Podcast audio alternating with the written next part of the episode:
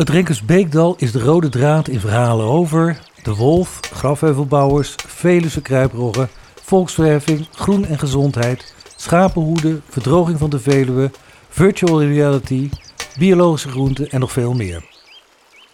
In zes etappes lopen we van de monding naar de bron van de Renkumse Beek.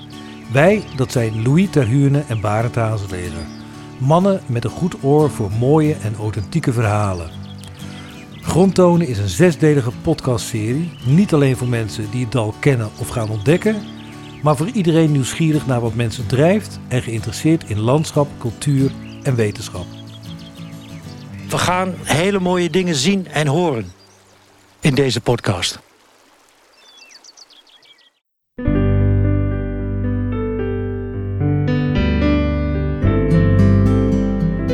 In deze eerste aflevering geeft Bas Worm ons een kijkje in de ziel van het edelhert. Waarom is dit dier nog steeds niet aan de Rijn gesignaleerd? Maarten Veldhuis vertelt hoe het waterschap aankijkt tegen de onderdoorgang van de provinciale weg die de Rijn en het Renkensbeekdal met elkaar gaat verbinden. Flip Witte presenteert zijn plan om verdroging van de Veluwe tegen te gaan en omwonenden vertellen hoe zij te lijden hebben van de stankoverlast van papierfabriek Parenco.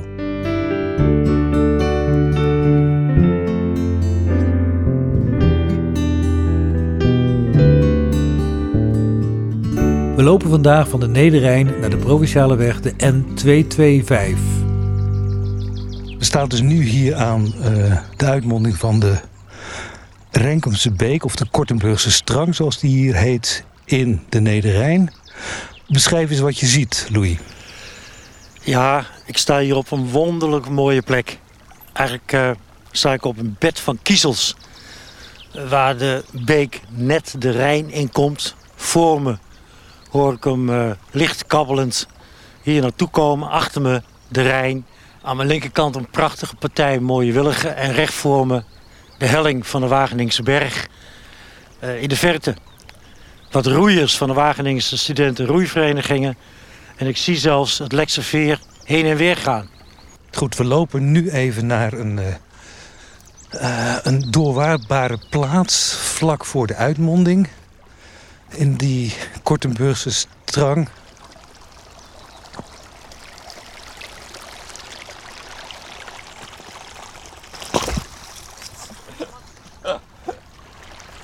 Lag die steen los of zo? De mensen die onze podcast gaan luisteren krijgen gaandeweg vanzelf wel een beeld van ons. Maar misschien is het wel goed dat jij, Louis, kort jouw band met de gemeente Renkum en het Beekdal beschrijft. Uh, ik ben vanaf 1978 woonachtig in de gemeente Renkum. Ik ben daar rond de eeuwwisseling van 98 tot 2002 wethouder geweest. En in die hoedanigheid nogal betrokken bij de eerste stappen om uh, de het gebied van de Renkumse Beek... waar een bedrijventerrein in zat, te laten omvormen tot natuurgebied. Uh, ik heb gewerkt een jaar of 10, 15 in het gebied van het Renkumse Beekdal.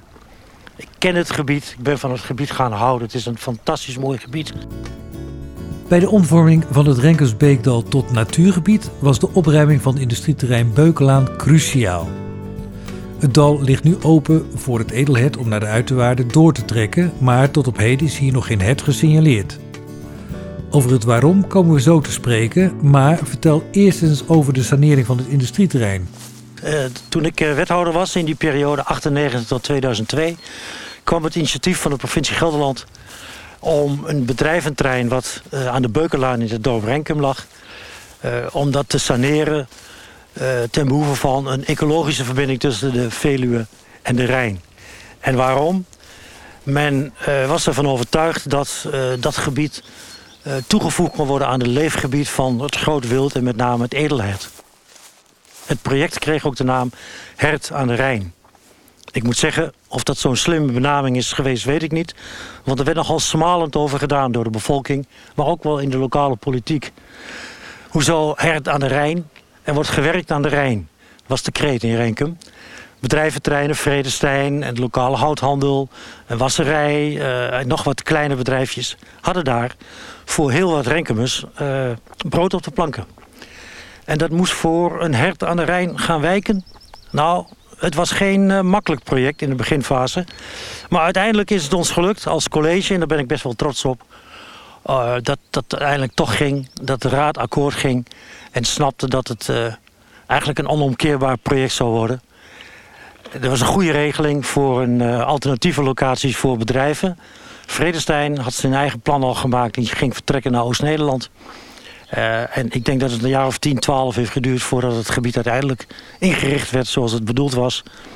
Een open verbinding, een poort van de Veluwe naar de Rijn.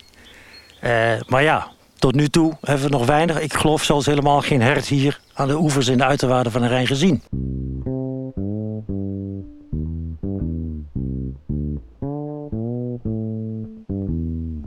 Zoals gezegd duiken we vandaag in de psyche van het edelhert.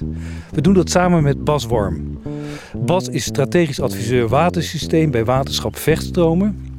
Een soort oliemannetje tussen stakeholders en het waterschap. Is dat uh, een goede definitie zo? Dat is mooi gezegd. En Bas is vicevoorzitter van de vereniging Het Edelhert. En uit die hoofden weet hij dus alles van het edelhert. Hij schreef er zelfs een kinderboek over, De avonturen van Frederik het Edelhert. Waarom maakt het edelhert geen gebruik van de rode loper... die uh, in het Renkums voor is uitgerold een jaar of tien geleden? Geef ons eens een kijkje in de ziel van het edelhert. Wat is zijn natuurlijke gedrag? Eigenlijk elk dier wordt gestuurd door een paar basisdingen. En dat is voedsel, rust, water en voortplantingsmogelijkheden. Die vier dingen bepalen eigenlijk of ergens een dier is, hoeveel het er zijn en welk gedrag ze vertonen dat bepaalt de routes om leefgebieden te vinden? Ja, kijk, je hebt natuurlijk dagelijkse voedseltochten, maar je hebt ook door het jaar heen eigenlijk seizoengestuurde voedseltochten. Hè, omdat lente, zomer, herfst, winter ander voedselaanbod uh, bieden. Zeg maar. In de winter heb je heideterreinen die voedsel geven. Maar op het moment dat ze bloeien, eten ze het niet. Nu in het voorjaar komen de grassen weer op gang en lopen de, de struiken en de bomen uit. En dan vormt dat zeg maar de basis, vooral veel eiwitrijk voedsel. En zo is het dier altijd op zoek van naar wat is op dit moment voor mij geschikt voedsel en kan ik erbij komen. En het mooie van een eetlet is, in tegenstelling tot bijvoorbeeld het ree, een ree woont en leeft waar die eet. Maar een edelhert gaat gerust nachts een uitstapje van 10 of 15 kilometer maken om zich vol te vreten. En die 10 of 15 kilometer in de vroege ochtend weer terug te lopen om de hele dag te gaan liggen herkauwen. Iets wat een ree niet kan.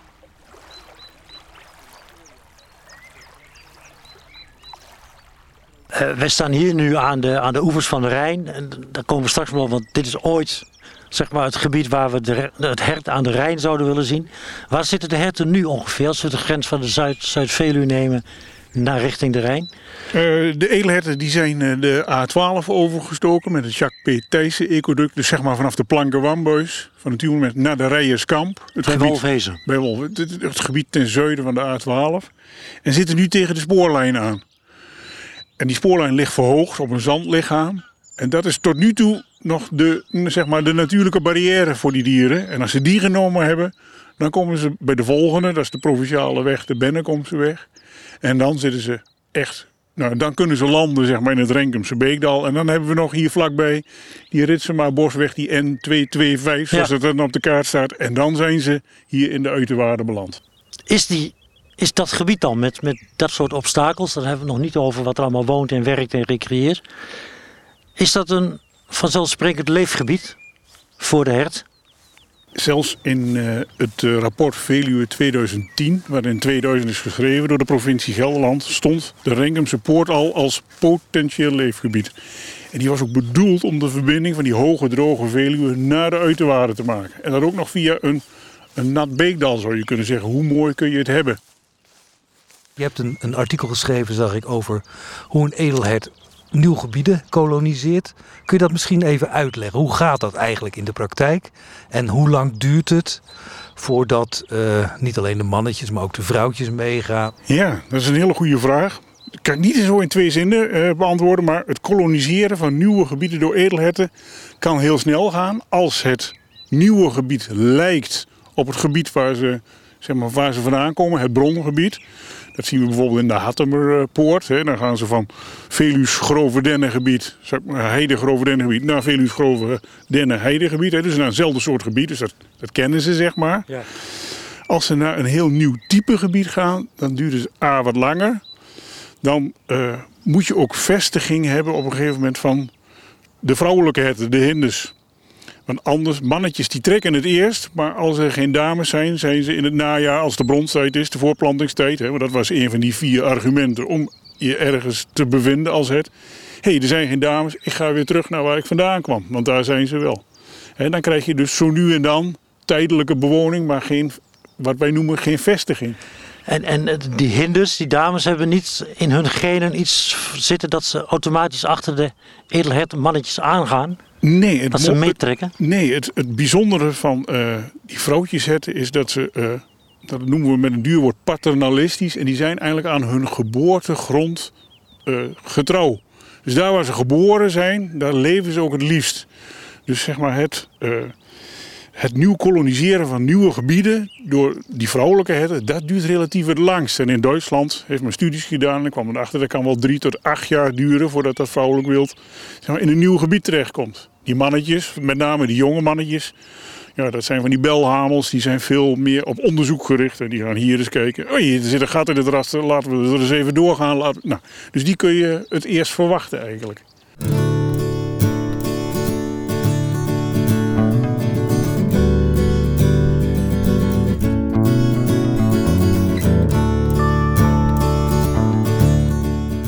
Vandaag loopt ook uh, Maarten Veldhuis een stukje met ons mee. En dat zal hij vaker doen op onze tocht naar de bron van de Ringhoekse Beek. Want Maarten die weet veel van het bekenstelsel. Hij werkt bij Waterschap Vallei en Veluwe. En per traject zal hij aangeven wat de bijzonderheden zijn van de beek, wat daarover te vertellen valt. En hij zal ook andere watergerelateerde vragen beantwoorden.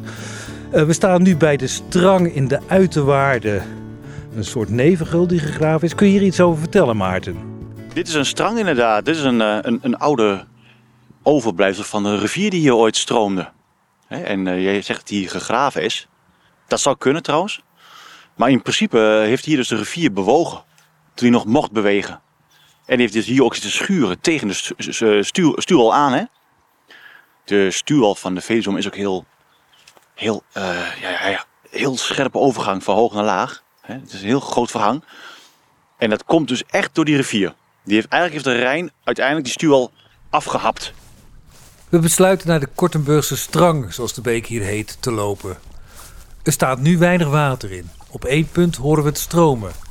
We lopen er naartoe. We zien een dammetje in de beek. Wat is dit? Waar dient het voor?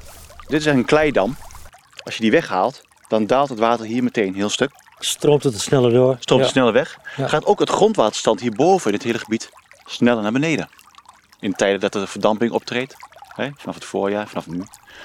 Dus dit is eigenlijk vasthouden van water. Is het een natuurlijk dammetje of geconstrueerd? En wie heeft dat dan gedaan? Dit is een aanwatersysteem. In principe doen wij dit als waterschap. Mhm. Alleen hoe het er nu uitziet hier.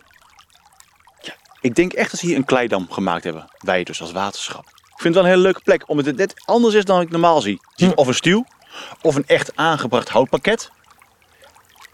Of iets anders, een bodemval. Dat kun je ook met, uh, op allerlei manieren uitvoeren. Of je stopt gewoon met maaien. En het, uh, maar goed. Ja. Dit, dit, dit, werkt wel. Het is heel duidelijk hoe het boven hier hoger staat dan uh, ja. beneden strooms. We lopen naar de voet van de dijk die het Renkersbeekdal scheidt van de uiterwaarden. Eerder in deze podcast vertelde Bas Worm al dat dit een laatste barrière is voor het edelhert op weg naar de Rijn. Provincie Gelderland heeft plannen om hier een onderdoorgang te maken. Bij een aantal ontwerpen zou Rijnwater het Beekdal in kunnen stromen. Hoe kijkt het waterschap daar tegenaan? Ik denk persoonlijk, als je een natuur ruimte wil geven en een dynamiek, rivierdynamiek ruimte wil geven, dan moet dat hier natuurlijk gebeuren. Dus die ecologische verbinding van het Beekdal doortrekken onder die N225 die erin loopt, dat heeft waterkundig gezien geen problemen. Nou, dat is wel een uitdaging. Dat is weer een andere vraag. Ja, wat is een uitdaging? Ja, maar we staan hier in de uiterwaard. Ja. En kijken we daar naar die dijk en dit rivierwater gaat er onderdoor. Ja, dan, komt het, dan gaat het ook heel veel andere eigenaren op welke manier ook raken. Nou, in ieder geval begrijp ik uit een onderzoek wat de provincie heeft laten doen...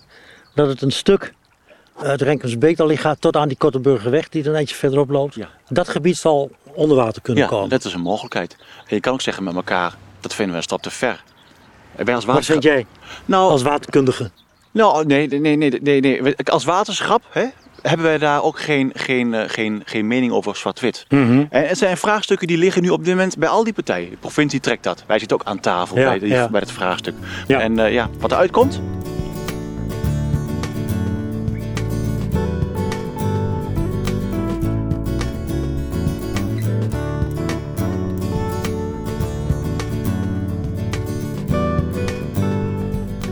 Weer even terug naar Bas Worm.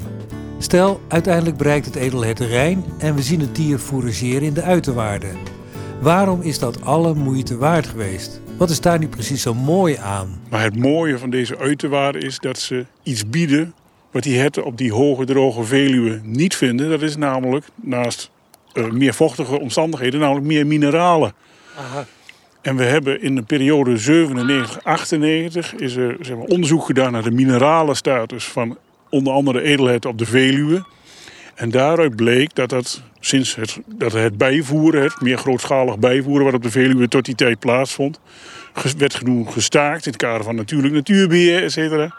En toen zag men de mineralenstatus van die herten zag men echt significant teruglopen tot onder het niveau wat voor landbouwhuisdieren is. En voor die wilde dieren is er geen norm, dus men keek naar wat is de norm voor landbouwhuisdieren en hoe kunnen we herten daaraan relateren. Dus dat was wel een zorgelijke ontwikkeling. En een van die mogelijke bijeffecten van die poortgebieden, hè, dus eigenlijk eh, dat je lagere gronden ook eigenlijk aan de Veluwe vastknoopt, waar die dieren naartoe kunnen, is dat ze daar, en dat zijn dan zoals bijvoorbeeld hier in die uitwaarden meer kleiige, meer lemige bodems, daar zitten veel meer mineralen in. Dus dat zou, dat zou een van die problemen kunnen tackelen waar het het nu tegenaan lopen. Stel dat ze hier zouden komen. Kun je dan verwachten dat die beesten eh, groter worden, eh, sterker? Eh, wat, wat is het effect ervan? Ja, dat is een hele goede vraag. Het is niet zo dat de herten op de Veluwe nu in slechte conditie zijn. Nee, We hebben eigenlijk een prachtige roodwildstand op de Veluwe. We zien alleen in, doordat ze heel selectief gekeken hebben in de zwevende rib. Dat is eigenlijk de, eerste plek zeg maar, in het lichaam van een beest waar je een eventueel gebrek gaat zien. Daar hebben we die afname van onder andere calcium en natrium en kalium. Hè, dat soort elementen is nagekeken. Daar hebben we die teruggang in bespeurd. Hè, dus het is nog niet zo dat die dieren op instorten staan. Maar hier vinden ze wel een welkome aanvulling. En we zien natuurlijk dat door de stikstofdepositie, om dat woord maar weer eens te laten vallen, die verzuring op de Veluwe toeneemt. En eh, we zien het niet alleen bij de edelherten, maar we zien het ook bij die vogeltjes die een hele dunne ijsschaal hebben of gebroken pootjes. Of, hè, dus het hele verzuringsprobleem is, is een faunaprobleem, maar ook een floraprobleem. Dus het vegetatieprobleem van de hele Veluwe. Dus het zou voor de herten echt een paradijsje kunnen zijn om hier naartoe te komen. Maar niet alleen voor de herten. Want die poorten zijn bedoeld, in dat Veluwe 2010 verhaal en de hele aanloop daar naartoe, als ecologische poorten. Dus als, een, als een, een, een, een herstel van de gradient van hoog en droog naar laag en nat. Niet alleen voor het edelhert. Het is daarbij een soort ambassadeur. Die heeft een paraplu. Soortenrol. Hè, van als het edelherten kan komen, kunnen die marters, die das, die vos, alle zoogdieren, maar ook insecten, daar ook van profiteren. En dat is het idee van die ecologische poorten, waaronder dit Renkumse beekdal. Biodiversiteit verrijkt. Voor de biodiversiteit. verrijk- Je ziet nu al een trek vanuit het Veluwe-massief steeds meer naar de randen toe van allerlei diersoorten.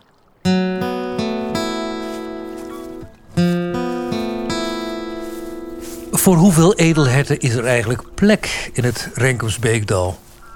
Bas' antwoord verrast ons in eerste instantie, want deze vicevoorzitter van vereniging Het Edelhert pleit voor afschot van het edelhert. Als we niets doen, hè, geen populatiebeheer, zoals dat met een duur wordt, hè, dus geen dieren schieten. Als we dat niet doen, dan bereiken we enorme dichtheden aan die grazers, maar zulke grote dichtheden dat de biodiversiteit eh, onder al dat graasgedrag, onder dat graasgeweld zou je kunnen zeggen, weer begint te lijden. In Amsterdamse waterleidingdeunen verdwenen alle waardplanten voor dagvlinders, om maar eens iets te noemen. In de Oostvaardersplassen, dat was alles riet, bomen en van alles. En het werd gewoon één kaal biljartlaken. Dus eh, die dieren kunnen hele hoge dichtheden, hè, dus heel veel dieren per hectare bereiken. Maar dan hebben we eigenlijk als maatschappij, als BV Nederland, hebben we al allerlei problemen. En als je vrije uitwisseling wil hebben, waarbij je niet alles in de hekken wil zetten, dan moet je eigenlijk zeggen, we moeten naar lagere dichtheden toe. Naar zeg twee of vier dieren per 100 hectare, even voor de gedachte. Hoeveel jonge herten per jaar gaat zo'n groep van twee of drie, vier herten leveren? Nou ja, ik, ik maak wel eens een sommetje. Ik, ik heb 100 herten. Dat zijn 50 mannetjes, 50 vrouwtjes. Hè. Geslachtsverhouding van 1 op 1. En van die 50 vrouwtjes krijg je in de regel 70% een kalf. Dus dan komen er weer 35 kalfjes elk jaar bij. Dus wil je het op die 100 houden, moet je elk jaar 35 dieren, minus de natuurlijke sterfte en eventueel een aanrijding of een, een geval van ziekte of wat dan ook, moet je weer weghalen uit de populatie. Dus we hebben een doelstand, zoals het zo mooi heet, voordat de kalfjes komen in het voorjaar, van 1600 edelherten. De praktijk is dat we ongeveer op het dubbele zitten. Nou ja, de Renkumse Poort in- in- heeft dan in die zin, begrijp ik dat goed, een functie. Het vergroot het leefgebied. Dus als je al een overbevolking tot nu, nu hebt, dan is uitbreiding van het leefgebied een klein middeltje misschien om wat aan die, aan die dichtheid te doen.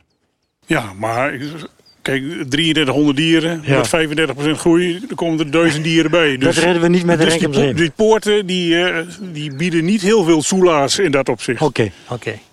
Maar het is wel weer nieuw leefgebied. En we hebben in de tijd gezegd van... hier in die hele Renkumse poort zou je een 30 à 35 edelherten eh, kunnen hebben... zonder al te veel problemen. Waarom, eh, Bas, ben je eigenlijk zo gefascineerd door het edelhert? Want je bent dus eh, vicevoorzitter van de vereniging Het Edelhert. Hoe komt een man op het edelhert als hobby? Ja, ik kom uit een gezin... eh we woonden in de Achterhoek. En eh, daar waren natuurlijk geen edelherten. En we hadden een gezin met zes kinderen. Ja, en dat kon allemaal nooit mee samen op vakantie. Op zomervakantie. En dan was het eigenlijk de keuze van... eh, wie gaat er mee een weekje naar Schorel of naar opa en oma. Die woonden in Giesbeek aan de IJssel. Of eh, naar peetoma en peetante. En mijn peetante was getrouwd met een jachtopzichter hier op de Veluwe. Op de Inbos. En dat eh, vond ik altijd wel leuk. En dan ging ik dus in de zomervakantie een week of twee weken naar de Inbos toe. En dat was altijd net de tijd dat eh, de wilde zwijnenjacht weer begon. Dat er gevoerd moest worden, dat hoogzitjes klaargemaakt moesten worden. En ja, dan reed je met een jeep door het bos. En dat was natuurlijk, ja, in die tijd was dat natuurlijk gewoon een groot avontuur. En je leerde jou ook schieten. Nee, ik heb nooit geschoten. dat mag natuurlijk niet. Maar ging wel mee op jacht. Dus ik heb het allemaal wel gezien en ervaren. En ja, zo eigenlijk langzamerhand de passie voor die, voor die grote beesten. Want ik vond het wel heel bijzonder dat we in zo'n toen al vol, voor mijn idee vol landje als Nederland, nog van die grote wilde dieren hadden. En later heb ik daar de reeën ook maar eh, bij gepakt. Want die zijn nou eigenlijk ook wel interessant. Nou ja, de wilde zwijnen. Dus eigenlijk alles met haren, hè, zeg maar onze zoogdieren. Dassen, vossen, marters. Ja, dat vind ik erg interessant. En een ander heeft dat met vlinders. En weer een ander met amfibieën, reptielen. Ja. Zo heeft iedereen, denk ik, zo zijn, zijn tics en zijn voorkeuren.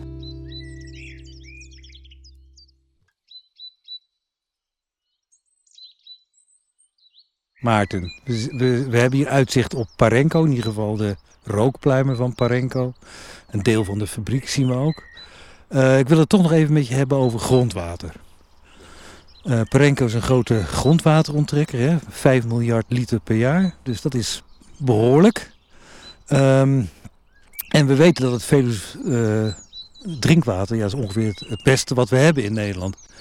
Ehm, hoe, in het algemeen, hoe gaan jullie om met grondwateronttrekking op de Veluwe? Ehm proberen jullie dat te ontmoedigen? Enorme uitdaging voor ons allemaal.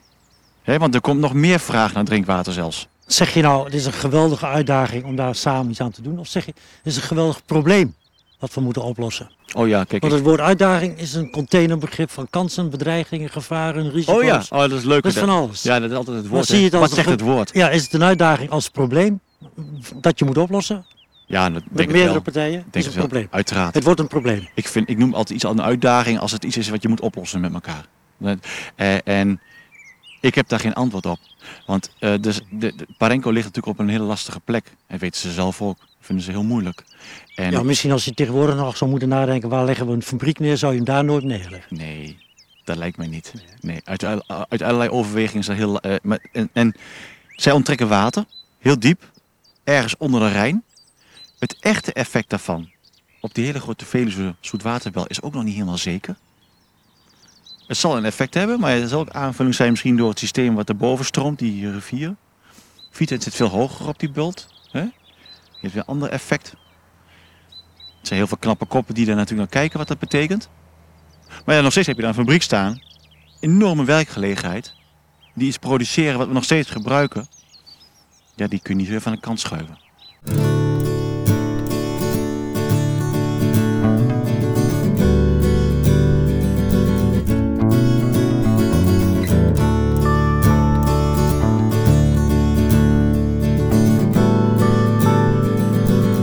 Een van de knappe koppen die kijkt naar de waterhuishouding van de Veluwe is Flip Witte. In het voorjaar houdt hij een lezing voor de Stichting Heemkunde gemeente Renkum. Verdroging is door de droge zomers van de afgelopen jaren een urgent probleem geworden. Dus ook wij geven ons op voor de lezing en schuiven aan bij een publiek van voornamelijk 70-plussers. Witte, eco-hydroloog, trapt af door twee gebeurtenissen te noemen die voor zijn carrière bepalend zijn geweest. Allereerst 1976. Uh, voor hydrologen die weten dat 1976 is het uh, droogste jaar wat ooit in Nederland is voorgekomen. En toen werd ook duidelijk wat dat voor schade had aangericht, die droogte. Maar ook de systematische verdroging van Nederland door ontwatering en door onttrekking van grondwater. Wat voor enorme schade dat had aangericht aan de natuur. En een andere dramatische gebeurtenis, dat was de komst van Henk Bleker. Want die, die, die knabbelde enorm op het uh, natuuronderzoek en uh, op het natuurbeheer. En ik dacht, ja, straks heb ik geen werk meer. Ik ga wat anders doen. Ik ga me bezighouden met de relatie van de natuur op het water. Dus ik ben me op verdampingsonderzoek gaan richten. Die verdamping speelt een belangrijke rol bij verdroging op de Veluwe. Want het saldo van neerslag en verdamping bepaalt het grondwaterpeil. De neerslag die niet verdampt, die vult de grondwatervoorraad aan. Die stroomt naar beneden. En die verdamping die bestaat uit verschillende posten. Je hebt verdamping door de huidmondjes. Eh, waar, daar is dat om te doen. Dat heet transpiratie. En, uh, maar je hebt ook dat uh, planten water onderscheppen. Vooral naaldbomen doen dat. En dan verdampt het gewoon weer vanaf die takken. En dat is de interceptieverdamping. De grondwateraanvulling op de Veluwe is ongeveer 360 mm per jaar of 1 mm per dag. Dat is onvoldoende gebleken om verdroging te voorkomen. Wat zijn de oorzaken van verdroging van de Veluwe? Dat is de, de drinkwaterwinning. Rond 1890 begonnen de eerste uh, bedrijven uh, grondwater op te pompen. In 1933 dus 21 miljoen en tegenwoordig iets van 130 miljoen kub per jaar. Andere ontwatering van de omgeving. En dat is iets wat al e-, eeuwenlang gaande is. De Gelderse Vallei is verlaagd, de Betuwe is verlaagd. De Gelderse Vallei, daar lag vroeger een uitgestrekt hoogveengebied in. Bij Veenendaal is allemaal afgegraven, ontwaterd. Maar heel ingrijpend geweest voor de noordkant van de Veluwe, dat is uh, de aanleg van de Flevopolders. Een volgende oorzaak is verandering van het landgebruik. Verschillende gewassen hebben een verschillende mate van verdamping en hebben dus ook een verschillend effect op de waterhuishouding van de Veluwe. We hebben onderzoek laten doen, allerlei kaarten met elkaar vergeleken, gedigitaliseerd. En dan zie je hoe dat landschap van de Veluwe langzaam dichtgroeit. In 1850 is het vooral heide en stuifzand. Dat, en uh, met een beetje bos. En uh, nou, nu is het ja, zoveel hei hebben we niet meer over. Laat staan stuifzand. Dus het is behoorlijk dichtgegroeid. En als je van 1850 rekent, dan is het effect van een land, verandering in landgebruik groter dan het effect van de winningen. Er is wel iets tegen verdroging te doen. Verplaatste winningen die, die winningen kan je beter situeren in, in de Betuwe, in de lager gelegen plekken. Want die uh, lage polders die moeten toch droog gepompt worden. En als je daar wint, dan hoeven ze wat minder te pompen. Maar de meeste winst is te behalen door de verdamping van water terug te dringen. En wel door een behoorlijk drastische maatregel. Kap de soortenarme, dichte uh, opstanden. Een uh, bekende botanist, schrijver van de Nederlandse Flora, die noemen de, deze bomen levende heipalen. Weg ermee. Witte wil dus de sparren en dennenakkers op de Veluwe kaal kappen. Wat vindt ze gehoor daarvan? Voor het beeld van het landse zou ik het verschrikkelijk vinden. Eh, en ik denk dat hij het ook wel misschien heel erg zwart-wit uh, poneerde. En wat neemt u van dit verhaal mee naar huis? Dat, dat uh, de grondwaterstand, dat, dat, daar moet iets aan gedaan worden. Wat vindt u van de suggestie om naaldbomen te gaan kappen? Dat zou ook een hele goede zaak zijn, denk ik. En de open vlaktes die dan ontstaan in plaats van bossen? Kun je lekker ver kijken, denk ik. Het voordeel van de twijfel, dat lijkt de algemene teneur. Het lijkt er een beetje in tegenspraak met elkaar. Want je denkt van uh, met bomen en bos hebben we een hoop natuur terug. Maar dit, dit, dit lijkt een oplossing. Een deel kappen van wat er op de Veluwe staat. Ja, dat is wel heel bijzonder. Flip Wit is zeker van zijn zaak en ziet nog een voordeel van zijn plan voor de Veluwe. Dus als we naar je 150 kilometer productiebos omzetten in hei, stuifstand en schraalgrasland... dan uh, levert dat per hectare ongeveer 300 mm per jaar aan waterwinst. Compenseer die kap door aanleg van uh, 75 vierkante kilometer multifunctioneel moerasbos aan de Veluwe rand. En waarom twee keer zo weinig? Omdat die bomen daar toch veel harder groeien. Eh, voordeel daarvan, want we doen dat natuurlijk op de plekken waar nu de intensieve veehouderij is, dan zijn we meteen van dat stikstofprobleem af. Dus we lossen een verdrogingsprobleem en een stikstofprobleem lossen we tegelijk op. Maak de Veluwe dus kaal, gedeelte, 150 kilometer, en uh, ontwikkel moerasbos in de kwelzone.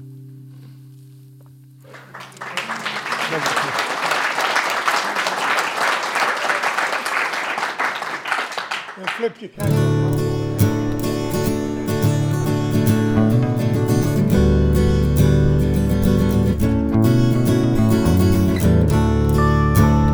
De stoomwolken van papierfabriek Parenco.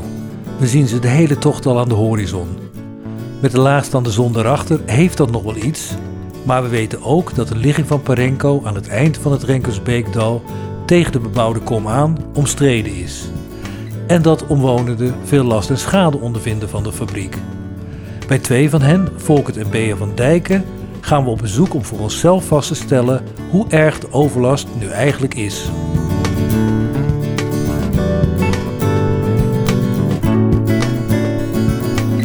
Ruik jij nog wat, Louis? Nee, ik, wat ik zei in het begin had ik, weet je dat, dat ik noemde dat chloor, maar dat is dus helemaal fout. Het is dus een bromide. Maar ik zou nu niet zeggen, goh, het is niet zo prettig buiten hier.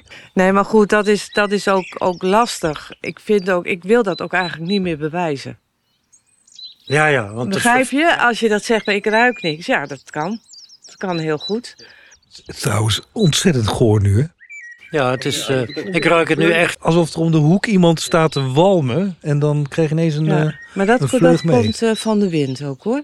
De windvlagen die hier zo. Ja, maar als het, ja, als het niet waait, dan is het hier uh, echt uh, alsof er een, constant. en dan blijft het ook hangen. Alsof er ja. een slechte kapper met een spuitbus even om je heen gaat. Nou ja, maar het was maar een kapper. Dat ruikt nog een beetje. Maar ik, ik, ik ben niet zo gevoelig. Maar als je hier buiten zit te eten, is dat geen pretje. Nee, nee. toch? Nee, nee. nee. nee en, en ik vind het niet eens zo sterk. Het is, is soms toch veel erger. Ja. We zijn rond deze datum, 8 juni, niet de enige die Parenco ruiken. Volker draagt voor uit de snuffel-app waarmee bewoners stankoverlast kunnen melden. Van 6 juni stank Parenco Petronelleweg, stank Europalaan, niet te weinig. Vreselijke Parenco-stank bij de Appie. Vieze stank Kerkstraat. Parenco-stank einde Dorpstraat. Nou, zo gaat het dan door. Ja. En dat zijn dan de mensen die het doorgeven. Ja. ja. We krijgen niet de indruk dat Bea en Volkert typische klagers zijn. Zij werkte jarenlang als sociaal-cultureel werker in de gemeente Renkum hij als ambtenaar bij het ministerie van Landbouw en Visserij. Ook na hun pensionering zijn ze nog maatschappelijk betrokken. Ze wonen met veel plezier aan de Veldheimweg totdat Parenco op een van haar papiermachines verpakkingsmateriaal ging produceren. In, uh, in september is die gaan draaien.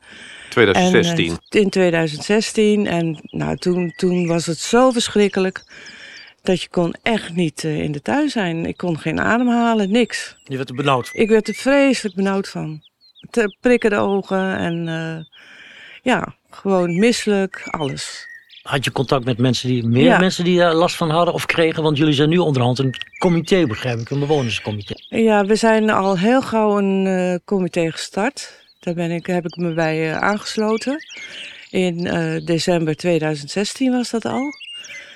Eh, dat hebben we dus de Bob genoemd. Bewoners, eh, de Bob. Ja, bewonersgroep eh, omwonenden Parenco heette dat.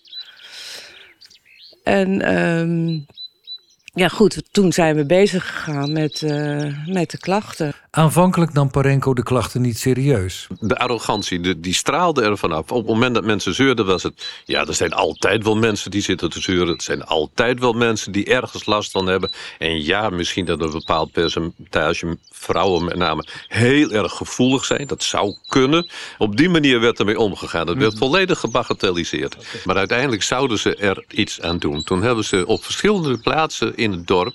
hebben ze geurmeters opgehangen. En die werden zo opgehangen dat je niets, ja, ik kan het wel aanwijzen, niet aan de voorkant van het huis, maar aan de achterkant van het huis, onder de dakgoot, daar was dan de geur en eventueel of de stoffen vrijkwamen. Dus daar uiteindelijk is er ook niks gevonden. Door de voortdurende druk en uiteindelijk dat er toch meer dan 100 mensen ook bij die, bij die Bob in ieder geval eh, lezen en dat volgen, eh, kregen ze toch het idee dat ze iets moesten doen. Dat heeft inderdaad de, de omgevingsdienst heeft, heeft een andere geurmeter of een geurneus ingesteld. En daaruit is toen dat rapport gekomen van ja, er is wel echt wat aan de hand.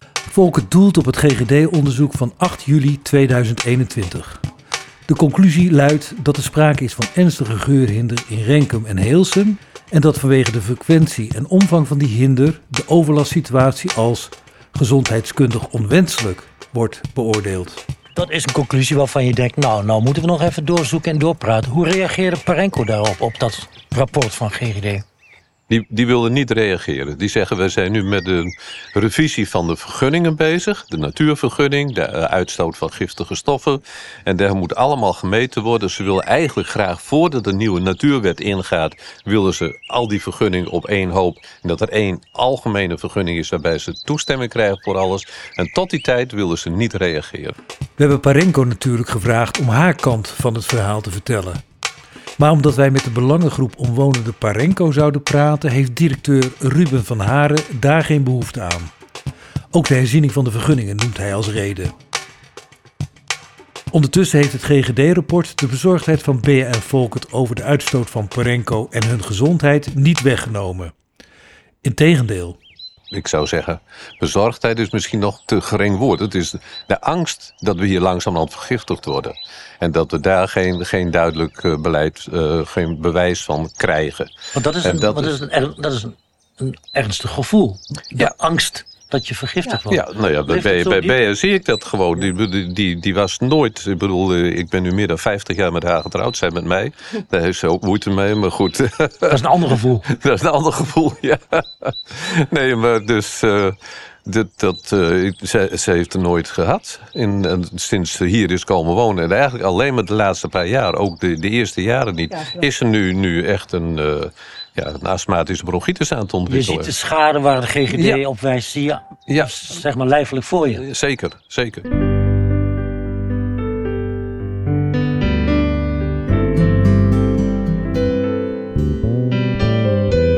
Wat kan de gemeente doen om haar burgers te beschermen? Dat vragen we aan wethouder Joame Oesch van gemeente Renkum. In de volgende aflevering van Grondtonen.